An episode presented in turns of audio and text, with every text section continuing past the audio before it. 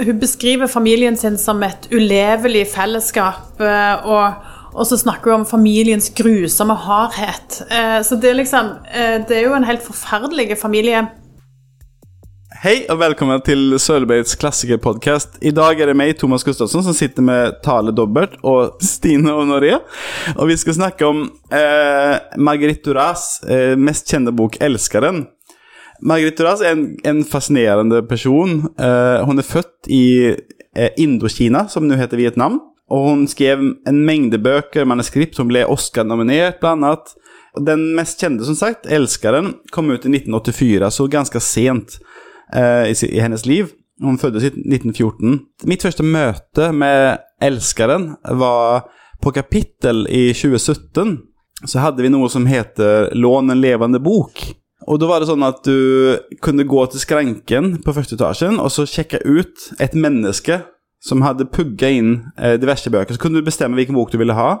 og da var 'Elskeren' en av dem. Og jeg tog den helt tilfeldig, fordi det var, det var den som var ledig eh, først. Og så fikk man sette seg ned på et litt sånn tilbakelent sted på biblioteket og så sette seg ned nære et annet menneske, og så hadde, hadde hun lært seg den utenat. Og så begynner hun bara... Och jag trodde det skulle vara mer som ett skuespill, men hon läser boken utenat på en måte. Og det var en fantastisk opplevelse. Og eh, hun hadde perfekt dialekt, noen sånn litt mjuk østlandsdialekt. Det var, det var en, så jeg har et veldig sånn positivt utgangspunkt til denne boken. Eh, hvem av dere har lyst til å fortelle hva den handler om? Stine? Jeg kan godt fortelle Ja. hva den handler om. eh, Ja. Ehm, eh, 'Elskeren' er en retrospektiv fortelling eh, fra Altså der Mari- Margrethe Duras eh, går tilbake til sin barndom og ungdomstid i Indokina, sånn som du sa, Thomas. Eh, og det handler om et forhold som utvikler seg mellom en ung fransk kvinne kan, vet ikke om vi kan kalle henne for kvinne, for hun er over 15 år. eh, og en eldre kinesisk mann. Og handlingen er vel lagt til helt slutten av 1920-tallet, tidlig 30-tall. Boka beskriver hvordan de her to, den unge jenta og den kinesiske mannen, hvordan de møtes. De møtes på ei ferje på Mekong-deltaet. Eh, og så beskriver det eh, forholdet som utvikler seg mellom de to, og egentlig kanskje konsekvensene det forholdet har hatt eh, sammen med andre faktorer i oppveksten hennes for det livet hun har når hun da skriver denne boka i 1984. Var det en god eh, Veldig bra. Ja. Kjempebra. Altså, den, den er jo liksom slående poetisk formuleringer i den, som, som jeg altså, Som en av de setningene jeg sendte til deg på forhånd, som var det, Jeg tror det er liksom nummer, setning nummer seks eller syv i boken. Eh, Så skriver hun Svært tidlig i livet mitt ble det for sent. Da jeg var 18 år, var det allerede for sent. Jeg elsker den setningen. Jeg elsker den, eller er to setninger, men jeg, jeg, jeg syns det er så Det er sånn striking, liksom. Har har gjort noen refleksjoner rundt det? Apropos det du sa nå da, med at boken handler om får jo konsekvenser for hennes liv. Hun skriver jo denne boka når hun er i 70-åra, og det har jo gått lang tid eh, fra, fra de hendelsene hun beskriver. Men det er jo, og boka har preg av selvbiografi eller memoar, kanskje. Um, og det er jo veldig tydelig at det hun skriver om, har pregna veldig sterkt. Akkurat som boka er et forsøk på å skrive fram disse minnene, kanskje. At hun prøver å skrive fram fortiden sin og historien sin. Jeg har ikke tenkt over det før akkurat eh, nå, når du leste den setningen på ny, men når vi vet at hun var 15 når det her forholdet starta, og du nevnte jo, eh, Stine, at det var en eldre kinesisk mann, han var jo bare 27 i hermetegn, men det er jo en betydelig aldersforskjell der. Og når man da med det i, i bakhodet leser at det, at det var eh, for seint eh, når hun var 18, så, så syns jeg det er en helt sånn knusende åpningssetning. Ja. Fordi det er to, to år etter kanskje denne her affæren. Jeg, vet, jeg er ikke helt sikker på hvor lenge affæren foregår, men si at det, er to, at det, var, at det kan- kanskje var ett år, da. Eh, Og da vil si at, det var, at hun skrev den Når hun To år etterpå så følte hun allerede at det var for sent, liksom. Det er ganske sånn eh, devastating, liksom. Så på veldig kort tid og veldig tidlig i livet så har det skjedd ekstreme omveltninger da, for Ja. henne. Men det er jo, altså Det som skjer når en leser 'Elskeren', er jo òg at vi vet jo en del om forfatteren sitt liv eh, dette forholdet òg, og vi vet jo at det er en sterkt eh, selvbiografisk fortelling. Eh, hun legger jo ikke skjul på at hun skriver om seg sjøl, vel. Eh, og så vet vi jo at hun, at hun ble en veldig, sånn som du sa, Thomas, hun ble en, en eh, berømt forfatter og en viktig kulturpersonlighet i Frankrike. Hun var sterkt alkoholisert. Hun hadde jo et veldig veldig dramatisk liv. Hun vokste jo opp i Indokina eller i Vietnam med under ekstrem fattigdom og i en helt sånn fryktelig familiekonstellasjon som jeg tenker at vi sikkert kommer tilbake til i løpet av denne samtalen. Eh, og hun var aktiv i motstandskampen under andre verdenskrig. Altså, det er så mange ting i livet til denne dama som, som gjør at, at det nok kanskje var At det føles som om det har vært for seint hele tida. Det var et veldig godt poeng. For jeg, jeg føler jeg blir veldig tiltrukken av henne som menneske. Forfatteren virker så fascinerende, syns jeg. Eh, Jeg har fått, tid til å lese så veldig mye om henne, men alt hun gjør Og så er- sitter hun igjen med en veldig sånn stolthet eh, over seg selv. Det virker som hun, hun, hun syns at hun selv er kul, liksom, på en måte. Og det, det er en av tingene jeg tenkte vi skulle snakke litt om også. Eh, denne boken Jeg har sendt deg litt spørsmål på forhånd, så et av de spørsmålene er sånn er dette en roman om overgrep? Så vil jeg liksom sette det i kontekst litt, fordi når hun forteller om Når hun er sammen med denne mannen, så føler jeg jo at det er ikke så mye tvil om at det er hun som har kontrollen, liksom. Det er hun, og hun sier blant annet at um, Han sier at han vil bli ulykkelig av henne, at hun kommer til å bedra alle sine menn. Og hun svarer at hun blir så glad i det han sier. Altså, hun, hun på en måte, Han liker henne mer enn hun liker han. Men samtidig så er hun bare 15 og et barn. Hun kaller jo seg selv barn også. Mens de gjør seksuelle handlinger, så snakker de om hva han gjør med barnekroppen. Hun beskriver sin egen kropp som barnekroppen. Eh, så det er jo overgrep, men samtidig Det, er veldig sånn det lager en konflikt. Men teksten eh, insisterer jo hele veien på denne barnekroppen og Ja. dette barnet, eh, og at det står sånn han, han biter i barnebrystene Ja, hennes, eh, og han behandler henne som en tispe og som en hore. Altså, så det er jo veldig ubehagelig å lese, men samtidig så det er jo mange maktstrukturer, tenker jeg, i denne romanen som, eh, som Duras eh, belyser på ulikt vis, da. Og, og det er jo klart at hennes privilegium i den relasjonen mellom de to er jo at hun er en hvit kvinne. Eh, så det på en måte skaper kanskje en eller annen form for balanse, da. Han er eldre, hun er mindreårig, men hun er hvit, og han er kineser. Og i det samfunnet som der dette foregår, så, så var jo det av veldig stor betydning, da. Ja. Altså, når hun presenterer han for sin familie, så, så, så anerkjenner de ikke han overhodet. Han får betale, betale for allting. Betale, de er jo fattige. Han betaler for dyre middager og ut på byen og alt sånt. Han betaler for allting men de sier ikke ens hei. Anerkjenner ikke at han fins. Også når hun blir kjørt med privatsjåfør, så får hun lov å sitte på et spesielt sete som er bare for vita. Det är en väldigt sån inbyggd rasism som inte jag helt var klar över att engelsmän, nei, nej fransmännen hade i sin eh, kolonial... eh, Jag visste inte om det, att det var så nästan apartheid liksom.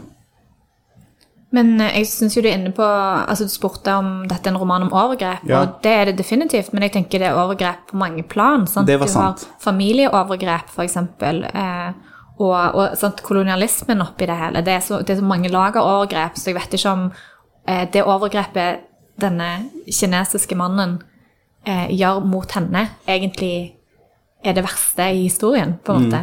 Nei, Jeg er helt enig med deg, Tale, at, eh, at det er så mange eh, Ja, det er mange nivåer av overgrep eh, i teksten, og en kan se på en kan se på kvinnens posisjon, f.eks. Uh, at eh, altså mor til hovedpersonen som er enke og fattig, og som blir tyrannisert av sønnen sin, det er jo òg en helt egen historie, det med mora og, og forholdet til, til sønnen.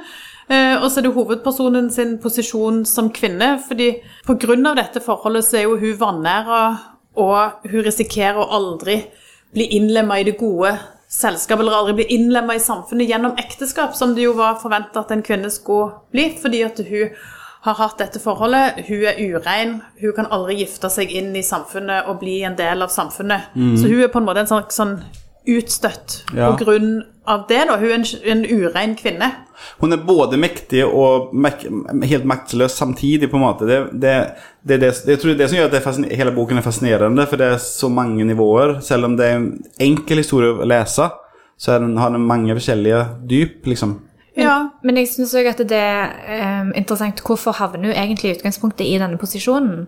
Hvorfor begynner hun forhold til denne mannen? Og det har jo med hvor hun kommer fra å gjøre. Det har jo med fattigdom å gjøre. Det er jo som om hun, selv om hun ikke um, hun faller fra nåde når hun begynner forholdet, så er det jo egentlig mora som, som skyver henne inn i det. Ja, det, jeg har et sitat om det. og det er sånn, eh, Familien er nødt til å skaffe seg penger. På en eller annen måte må familien skaffe penger. Og Derfor er det også at barnet allerede har lært å oppføre seg slik at den interessen som blir vist henne, blir ledet over på den interessen hun selv har for penger. Dette får moren til, moren til å smile. Så det er, liksom, det er så mye syke ting som eh, foregår her, liksom. Mm. Ja, for en kan jo tenke at klassesamfunnet og det at denne familien var, var veldig fattige Sikkert ikke så fattige som eh, de vietnamesiske familiene i den eh, byen der de bor, men allikevel.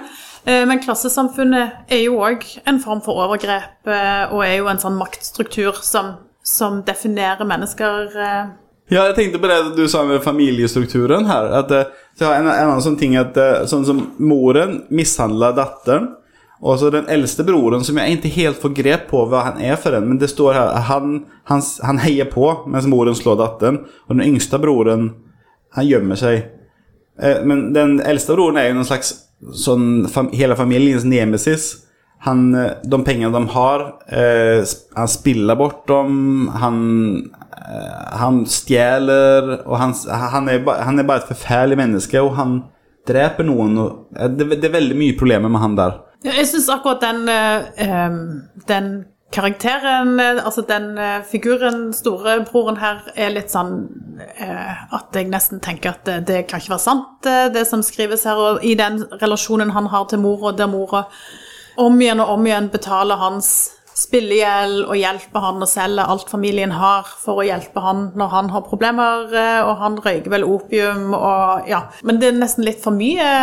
Det, det framstår ikke som troverdig eh, at hele familien kan gå til grunne pga. dette ene familiemedlemmet. Eh, Det føles jo litt som at familien hadde gått til grunne uansett. Altså det, det, det er en sånn innebygd eh, selvdestruktivitet her som jeg som, som er liksom sånn Hun er veldig selvdestruktiv. Hun liker når han snakker Han snakker stygt til henne om henne og hvor fæl hun er, og hun liker det. Det er noen sånn slags eh, iboende ondskap, liksom, som hun, har, hun, har, hun får ingen godhet for noen, utenom broren. Den lille ene broren. Og jeg vet ikke, jeg er jo enig med deg, Stine, at det er ekstremt, men det er jo ikke det eneste eksempelet på ekstreme eh, familiesituasjoner eller dynamikker som er usunne. Og det er jo åpenbart at denne mora er sliter med psyken, da. Og, og altså, både i, i fortellingen, men òg hvis man leser litt om Margrethe Duras, så, så er det jo tydelig at moren egentlig bare er glad i den eldste sønnen og gjør alt for han. Og så har eh, Margrethe sjøl og hennes andre bror eh, blitt eh, egentlig helt neglisjert, da. Og det, ja, men jeg er jo enig også at det er ikke altså, Dette er nok en familie det hadde gått galt med uansett. Ja. hvordan... ja, for hun skriver jo ehm, Hun beskriver familien sin som et ulevelig fellesskap, eh, og, og så snakker hun om familiens grusomme hardhet. Eh, så det er liksom eh, Det er jo en helt forferdelig familie. Eh, vi snakket jo om, om måten denne boka er skreven på, og det virker jo litt som om Dyras når hun skriver dette, skriver fra minner fra, fra oppveksten og fra ungdomstida, og at hun på en måte kanskje innser litt i, i, i skriveprosessen at mora faktisk var skikkelig, skikkelig gal. Ja. Og hun er jo helt sprø, hun mora, og hun, hun skriver nå fram som en sånn som en kvinne som ombart finner livet helt meningsløst, og som ikke har noe glede utenom i denne her eldste sønnen. eh, og Um, akkurat som om forfatteren bare innser mer og mer mens hun skriver og forteller at, eh, at, den, eh, at mora var deprimert og psykisk syk. da. Jeg, det jeg, sier sånn, jeg, jeg var så heldig å ha en mor som led av en så ren fortvilelse at ikke engang livets lykke, hvor voldsom den kunne være, kunne få henne til å glemme den helt. Hun, er- hun er bare fullstendig fanget av sine egne følelser. Ja, og det er nok mange ting som spiller inn her, fordi det er jo, altså, hun har mistet mannen sin, hun er fattig, eh, og eh, lever jo egentlig i et land helt som er fremmed for henne, selv om hun sikkert har bodd der i mange år. Men jeg også denne, den beskrivelsen av moren, og særlig når det kommer sånne glimt av lykkelige dager, Det er en scene hvor de beskriver hvordan de vasker huset, for eksempel. Som er veldig sånn nydelig, at det er fint vær, og de vasker huset med og, og det er bare sånn Jeg forestiller meg en nydelig vårdag, og alt er bare superfint. Men det kommer jo som en kjempekontrast til hvordan hverdagen er for disse ungene. Ja. Eh, og det minner meg om veldig mange andre historier om det å vokse opp med psykisk syke foreldre. Da. At du som barn bare eh, holder deg så ekstremt fast i de nydelige momentene, men at hverdagen er nesten uutholdelig. Det, det, sånn som det hun sier om, om hele, hele situasjonen på en måte er at det, Hun sier det, det dreier seg ikke om å komme seg opp til noe, men ut av noe en sitter i. Altså, De har ikke på en måte mål en må- Eneste målet for alle sammen er bare å komme seg vekk fra akkurat dette. liksom. Og det er jo litt av forklaringen òg til altså, sånn, Da gir det jo mening at hun innleder dette forholdet, selv om hun sikkert vet hva hun risikerer. òg. Sånn, hun går jo inn og omtaler seg selv som prostituert eh, helt i begynnelsen. Eh, hun er veldig klar over hva, hva det gjør med henne at hun innleder dette forholdet, men det er likevel noe som er bedre enn den situasjonen hun er i i hjemmet sitt, og det er òg noe som forventes av eh, moren. At eh, hun skal eh, bruke kroppen sin til å finne en inntekt for familien. da. Jeg tenker òg litt om, om, om dette forholdet er en eh, er et slags sånn opprør mot den morsfiguren, eller om det er et forsøk på å frigjøre seg fra mor og sin makt eh, over familien, eh, om det kan være et eller annet sånn òg. Altså For det er jo et veldig destruktivt mor-datter-forhold. Så kanskje det å innlede en seksuell relasjon som er veldig skandaløs, og som er feil på alle vis, eh, at det er et forsøk på en frigjøring, da. Og det kan òg være en frigjøring fra broren, som jo er så ekstremt kontrollerende og hard. Eh, når og selv om det er, er mange beskrivelser som er på en måte hardhendte i relasjon til den kinesiske elser, elskeren så beskriver han likevel også som veldig myk. altså nesten, At han òg nesten har en barnlig kropp. Eh, veldig svak og har, har vært sykelig i ungdommen, kanskje. Eh, og at det er, det er noe i den kontrasten eh, mellom broren og elskeren som òg er en form for frigjøring. Ja, det er jo kjempeinteressant, eh, for hun har jo òg Sånn som vi snakket litt om før, at hun har litt makt i, i sin posisjon som, som hvit. Eh, og, og at, eh, eh, at At her har hun litt mer kontroll, kanskje. Altså I denne relasjonen har hun mer kontroll enn hun har eh, i de andre relasjonene hun inngår i, eh, i de nære relasjonene. Men hva tenker dere om For jeg, jeg opplever i boken som at hun, sier at den eneste som den store broren er redd for, er hun. Ja. Eh, og når, eh, en av dere nevnte den scenen hvor, hvor hun blir slått av moren, og, og broren står utenfor og, og liksom utenfor døren og bare prøver å hisse opp moren. Men at han, broren trenger, han trenger et redskap. Han, treng, han kan ikke slå henne sjøl. Hva, hva tenker dere om den dynamikken, eller hvorfor er det sånn? Jag vet inte, jag vet inte. Det är väldigt intressant för jag, jag, jag, jag läste det om igen när jag läste boken för jag, jeg syns at det var Dels er det helt fryktelig og nesten, nesten så overdrivent at du tenker at det er som teater. Men samtidig Andre ting jeg har lest og hørt om kan det være sånn, på en måte, sant? Så Men akkurat hvorfor han er redd for henne vet jeg ikke. men hun er jo en tøffing hun også, på en måte. Jeg vet ikke om det den mentale styrken hun har, om det er det han er redd for. For det er jo ikke alltid, det er jo ikke alltid at fysisk styrke er det som bestemmer, på en måte, heller. Ja, så vet du vel at Eller broren vet jo at hun at hun har avslørt han på en eller annen måte. Altså, hun, hun klarer jo å lese den relasjonen han har til mora. Eh, så selv om mora gjør alt for denne broren, så, så har jo hovedpersonen på en måte avslørt em, hans eh, Jeg vet ikke, hans holdninger og hans handlinger, og hun leser han jo veldig godt. Hun vet jo hva han kommer til å gjøre, og hun vet uh, at han utnytter mora og sånn. Så det er kanskje noe der. eh, jeg vet ikke. Men han yngre broren er jo sånn der liten sånn skikkelse som jeg ikke helt blir klar, klok på. Ja, I begynnelsen så tenkte jeg at han var et barn. Sant? At han beskrives som den lillebroren. Og, og jeg så for meg at han var ganske liten, men det viser seg jo at han er eldre enn Ja. hovedpersonen. Også, eh, han, hun kaller han lillebroren, men han er to år eldre. Så jeg ble, sånn, jeg ble litt overrasket over, ehm, over det.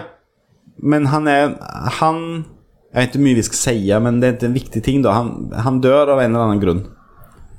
Men han har jo, altså hun har jo forlatt familien sin og reist til Frankrike veldig veldig mange år før hun skriver 'Elskeren', eh, og har jo ikke hatt kontakt med noen av de, eh, så kanskje denne her lillebroren, eller den eneste broren som hun har en god relasjon til, kanskje han er på en måte Han blir på en måte symbolet på hele, på hele barndommen og det som kunne ha vært, og på den familien som, som hun har mista, da. Jeg vet ikke. Og kanskje også den, Han er jo den eneste myke i hennes familie. Han, har- han har åpenbart eh, et helt annet gemytt enn de andre. Og eh, Marguerite Duras sin ordentlige bror, altså Han heter vel Paolo, tror jeg. Eh, den yngste av hennes to brødre. Han, han var visst eh, Han hadde en funksjonshemning, tror jeg.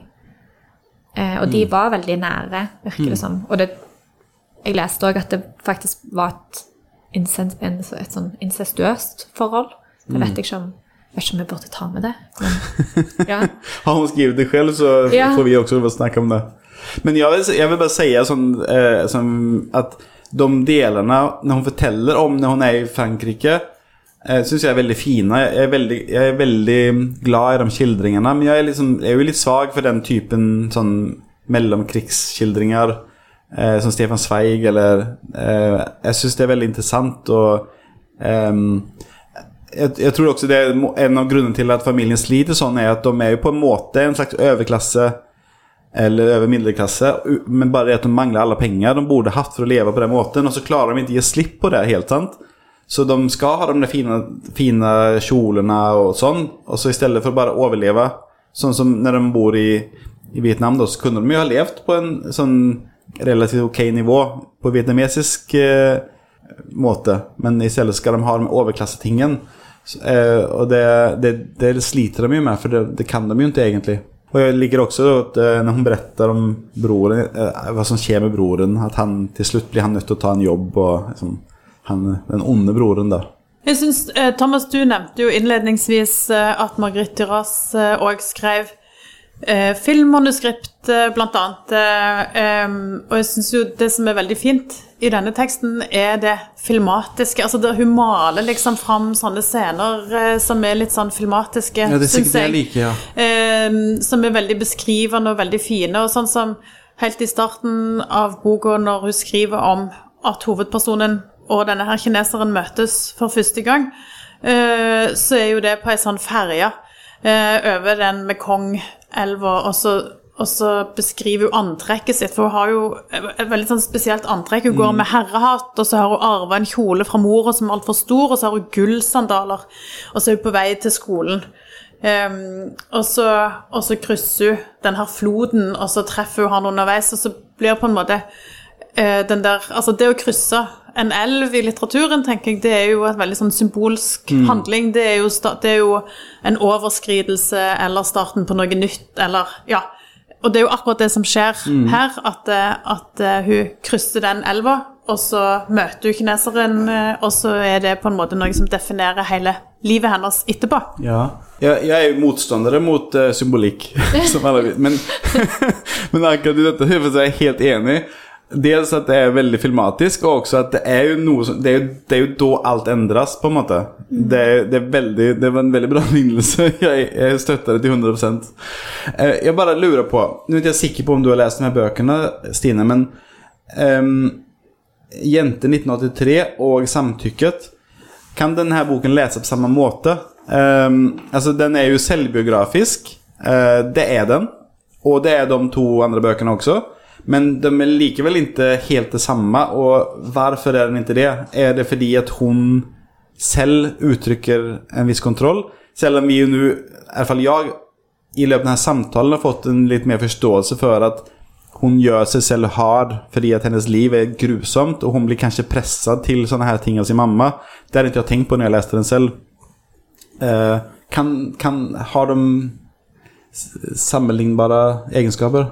Jeg uh, syns at eh, eh, både ja og nei, kanskje. Du refererer jo til Linn Ullmann og, og Vanessa Springora med samtykke, men, eh, men eh, altså Jente 1983 er jo en tekst om, om overgrep, eh, men, men det er vel det som er kontroversielt med 'Elskeren', at den skildrer jo barnets begjær, da. Den skildrer jo det unge eh, begjæret og den seksuelle oppvåkningen. Og i 'Jente 1983' så er det jo òg det samme at hovedpersonen er jo Altså, der er det jo en 16-åring som innleder et forhold til en mann som er 30 år eldre, men, men der òg er det jo det er jo litt sånn delt eh, Ja. der òg. Det er jo en hovedperson som oppsøker denne eldre mannen, som er veldig tydelig på hva hun, hva hun vil, hvorfor hun har kommet. eh, Så det er jo en sånn dobbelthet i det òg. Og samtykket også, på en måte. Altså, det er jo det er ikke ensidig. Problemet er jo alderen der. Liksom at uh, hun, hun, er jo Det er jo ikke sånn at han tvinger henne. Det blir jo bare Alderforskjellen gjør at det er galet liksom. Jeg syns kanskje det er mer relevant å trekke fram Annie Ernaux og Edouard Louis som sånne franske forfattere som følger i Marguerite Duras eh, sin, sin, om vi skal si, hennes fotspor, eller i, i denne tra tradisjonen. fordi at eh, de skriver jo tekster som, som handler om overgrep, og som handler om det å ikke eie sin egen kropp, men de skriver jo òg om vold og fattigdom og klassesamfunnet og og familierelasjoner og maktstrukturer der som ikke er så bra.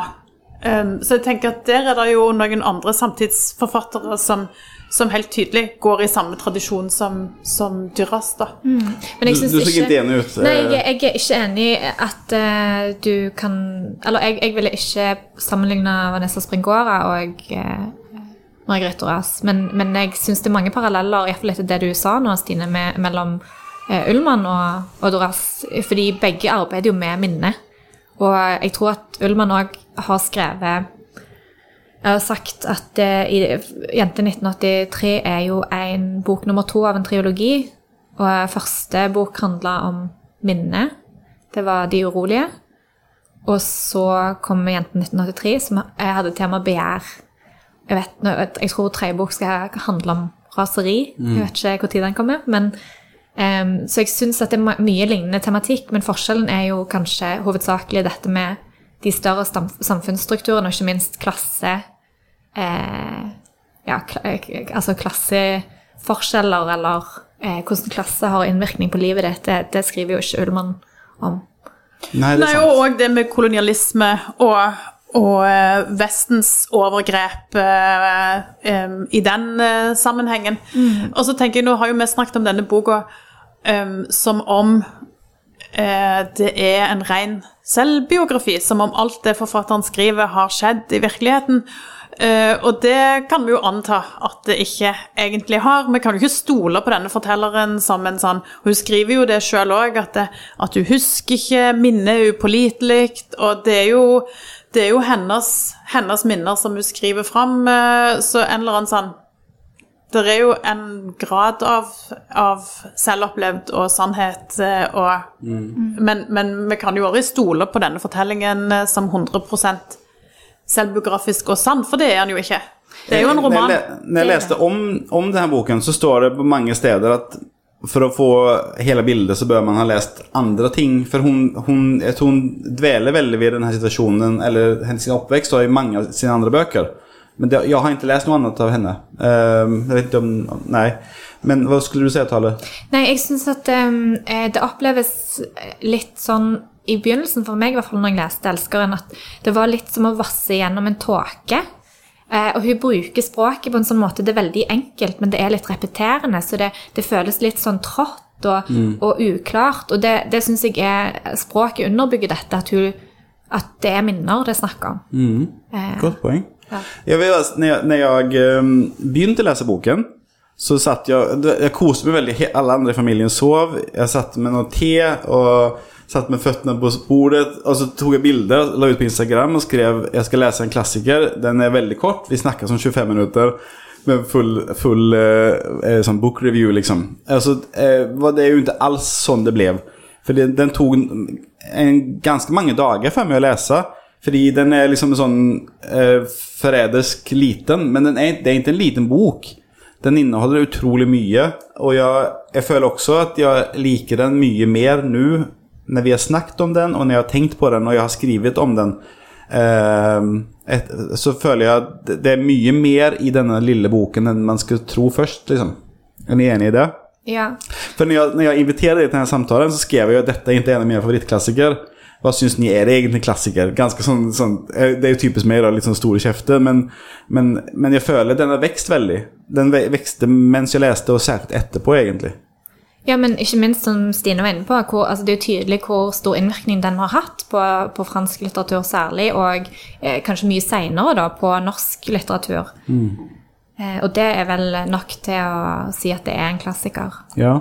Jeg hadde denne på pensum på litteraturvitenskap grunnfag eh, i 1996, samme år som Dyras døde, vel.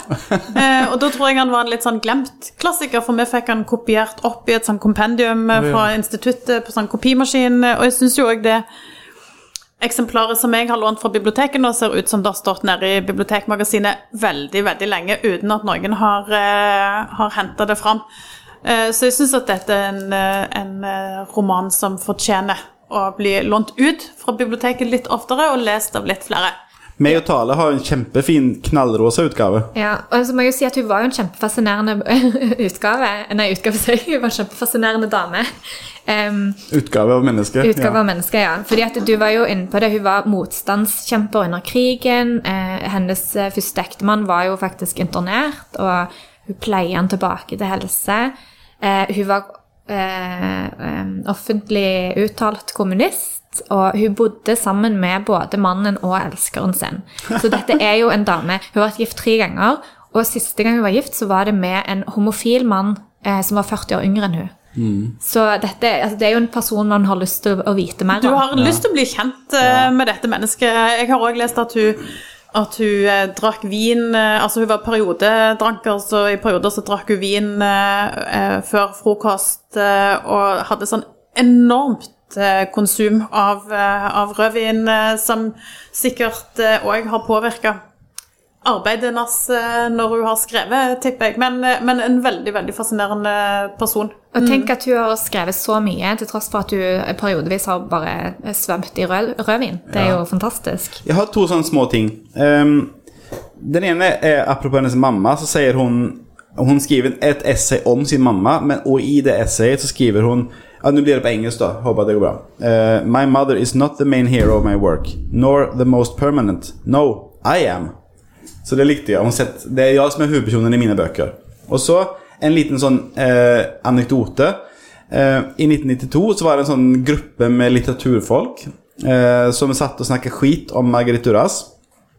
Eh, og de krona Hva er litteraturfolk? Eh, jag vet ikke. Jeg har ikke skrevet opp hva de heter. Men eh, kulturfolk fra Frankrike. Eh, så hadde de kronet Marguerite Duras til den mest overskattede författaren i Frankrike.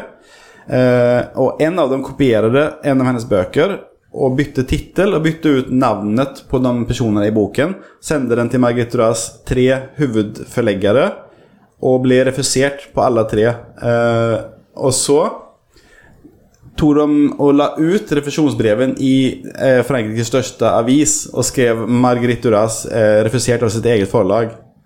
Eh, for det første, helt utrolig ondt. Hva hadde hun gjort for å fortjene dette? Og det er sant, for det, det, jeg har sett de tingen selv. Men hva sier det om henne? Hva sier det om de folket? Er det sjalusi? Er det fordi hun var kvinne? Det var i 1992, så hun var 78 år. Men jeg tror nok hun har vært en veldig kontroversiell figur hele veien i, i fransk offentlighet. Fordi um, hun har nok vært helt uredd fra tidlig alder av, og, og ofte kommet med standpunkt som har vært kontroversielle. Det var bl.a. En, en sak hun dekka vel som journalist, hvor eh, en kvinne ble dømt for å ha drept barnet sitt. Hvor Duras sa at eh, hun burde bli frikjent, for det er ikke hennes feil, det er samfunnet sin feil. Dette har skjedd pga. fattigdom. Så hun har nok hatt mye eh, fiender opp igjennom, og det er, ikke, det er ikke overraskende å høre at noen har blitt provosert av henne og har hatt lyst til å ta henne. Em, og så har, Det var en sånn historie om en venn av henne som, som prøvde å forklare hva slags type person hun var, og da var han sånn Ja, jeg spør skal vi gå og spise lunsj sammen, og så sier hun jeg spiser ikke lunsj. Og så sier han ja, ok. Men hvis eh, jeg hadde spist lunsj i teorien, hvor eh, hadde du hatt lyst til å møtes da? Og det tenker jeg sier en del om at hun er en sånn Hun, gjør ikke noe for å behage. Sant? Hun er vanskelig som person, og, og det er jo klart at eh, eh, det er ikke alle som liker det, da. Nej. men, men samtidigt, eh, det er jo tiltalende. Det er jo derfor vi alle sammen her er veldig fascinert av henne. Men det kan jo være at om du kommer så nære på at du faktisk er bekjent av henne, at det blir slitsomt. Jeg vet ikke. Og som aldri edru i tillegg. Liksom. Men jeg, jeg må si at jeg har hatt en fin opplevelse med denne samtalen og boken. Og jeg er nysgjerrig på henne sånn i etterskudd.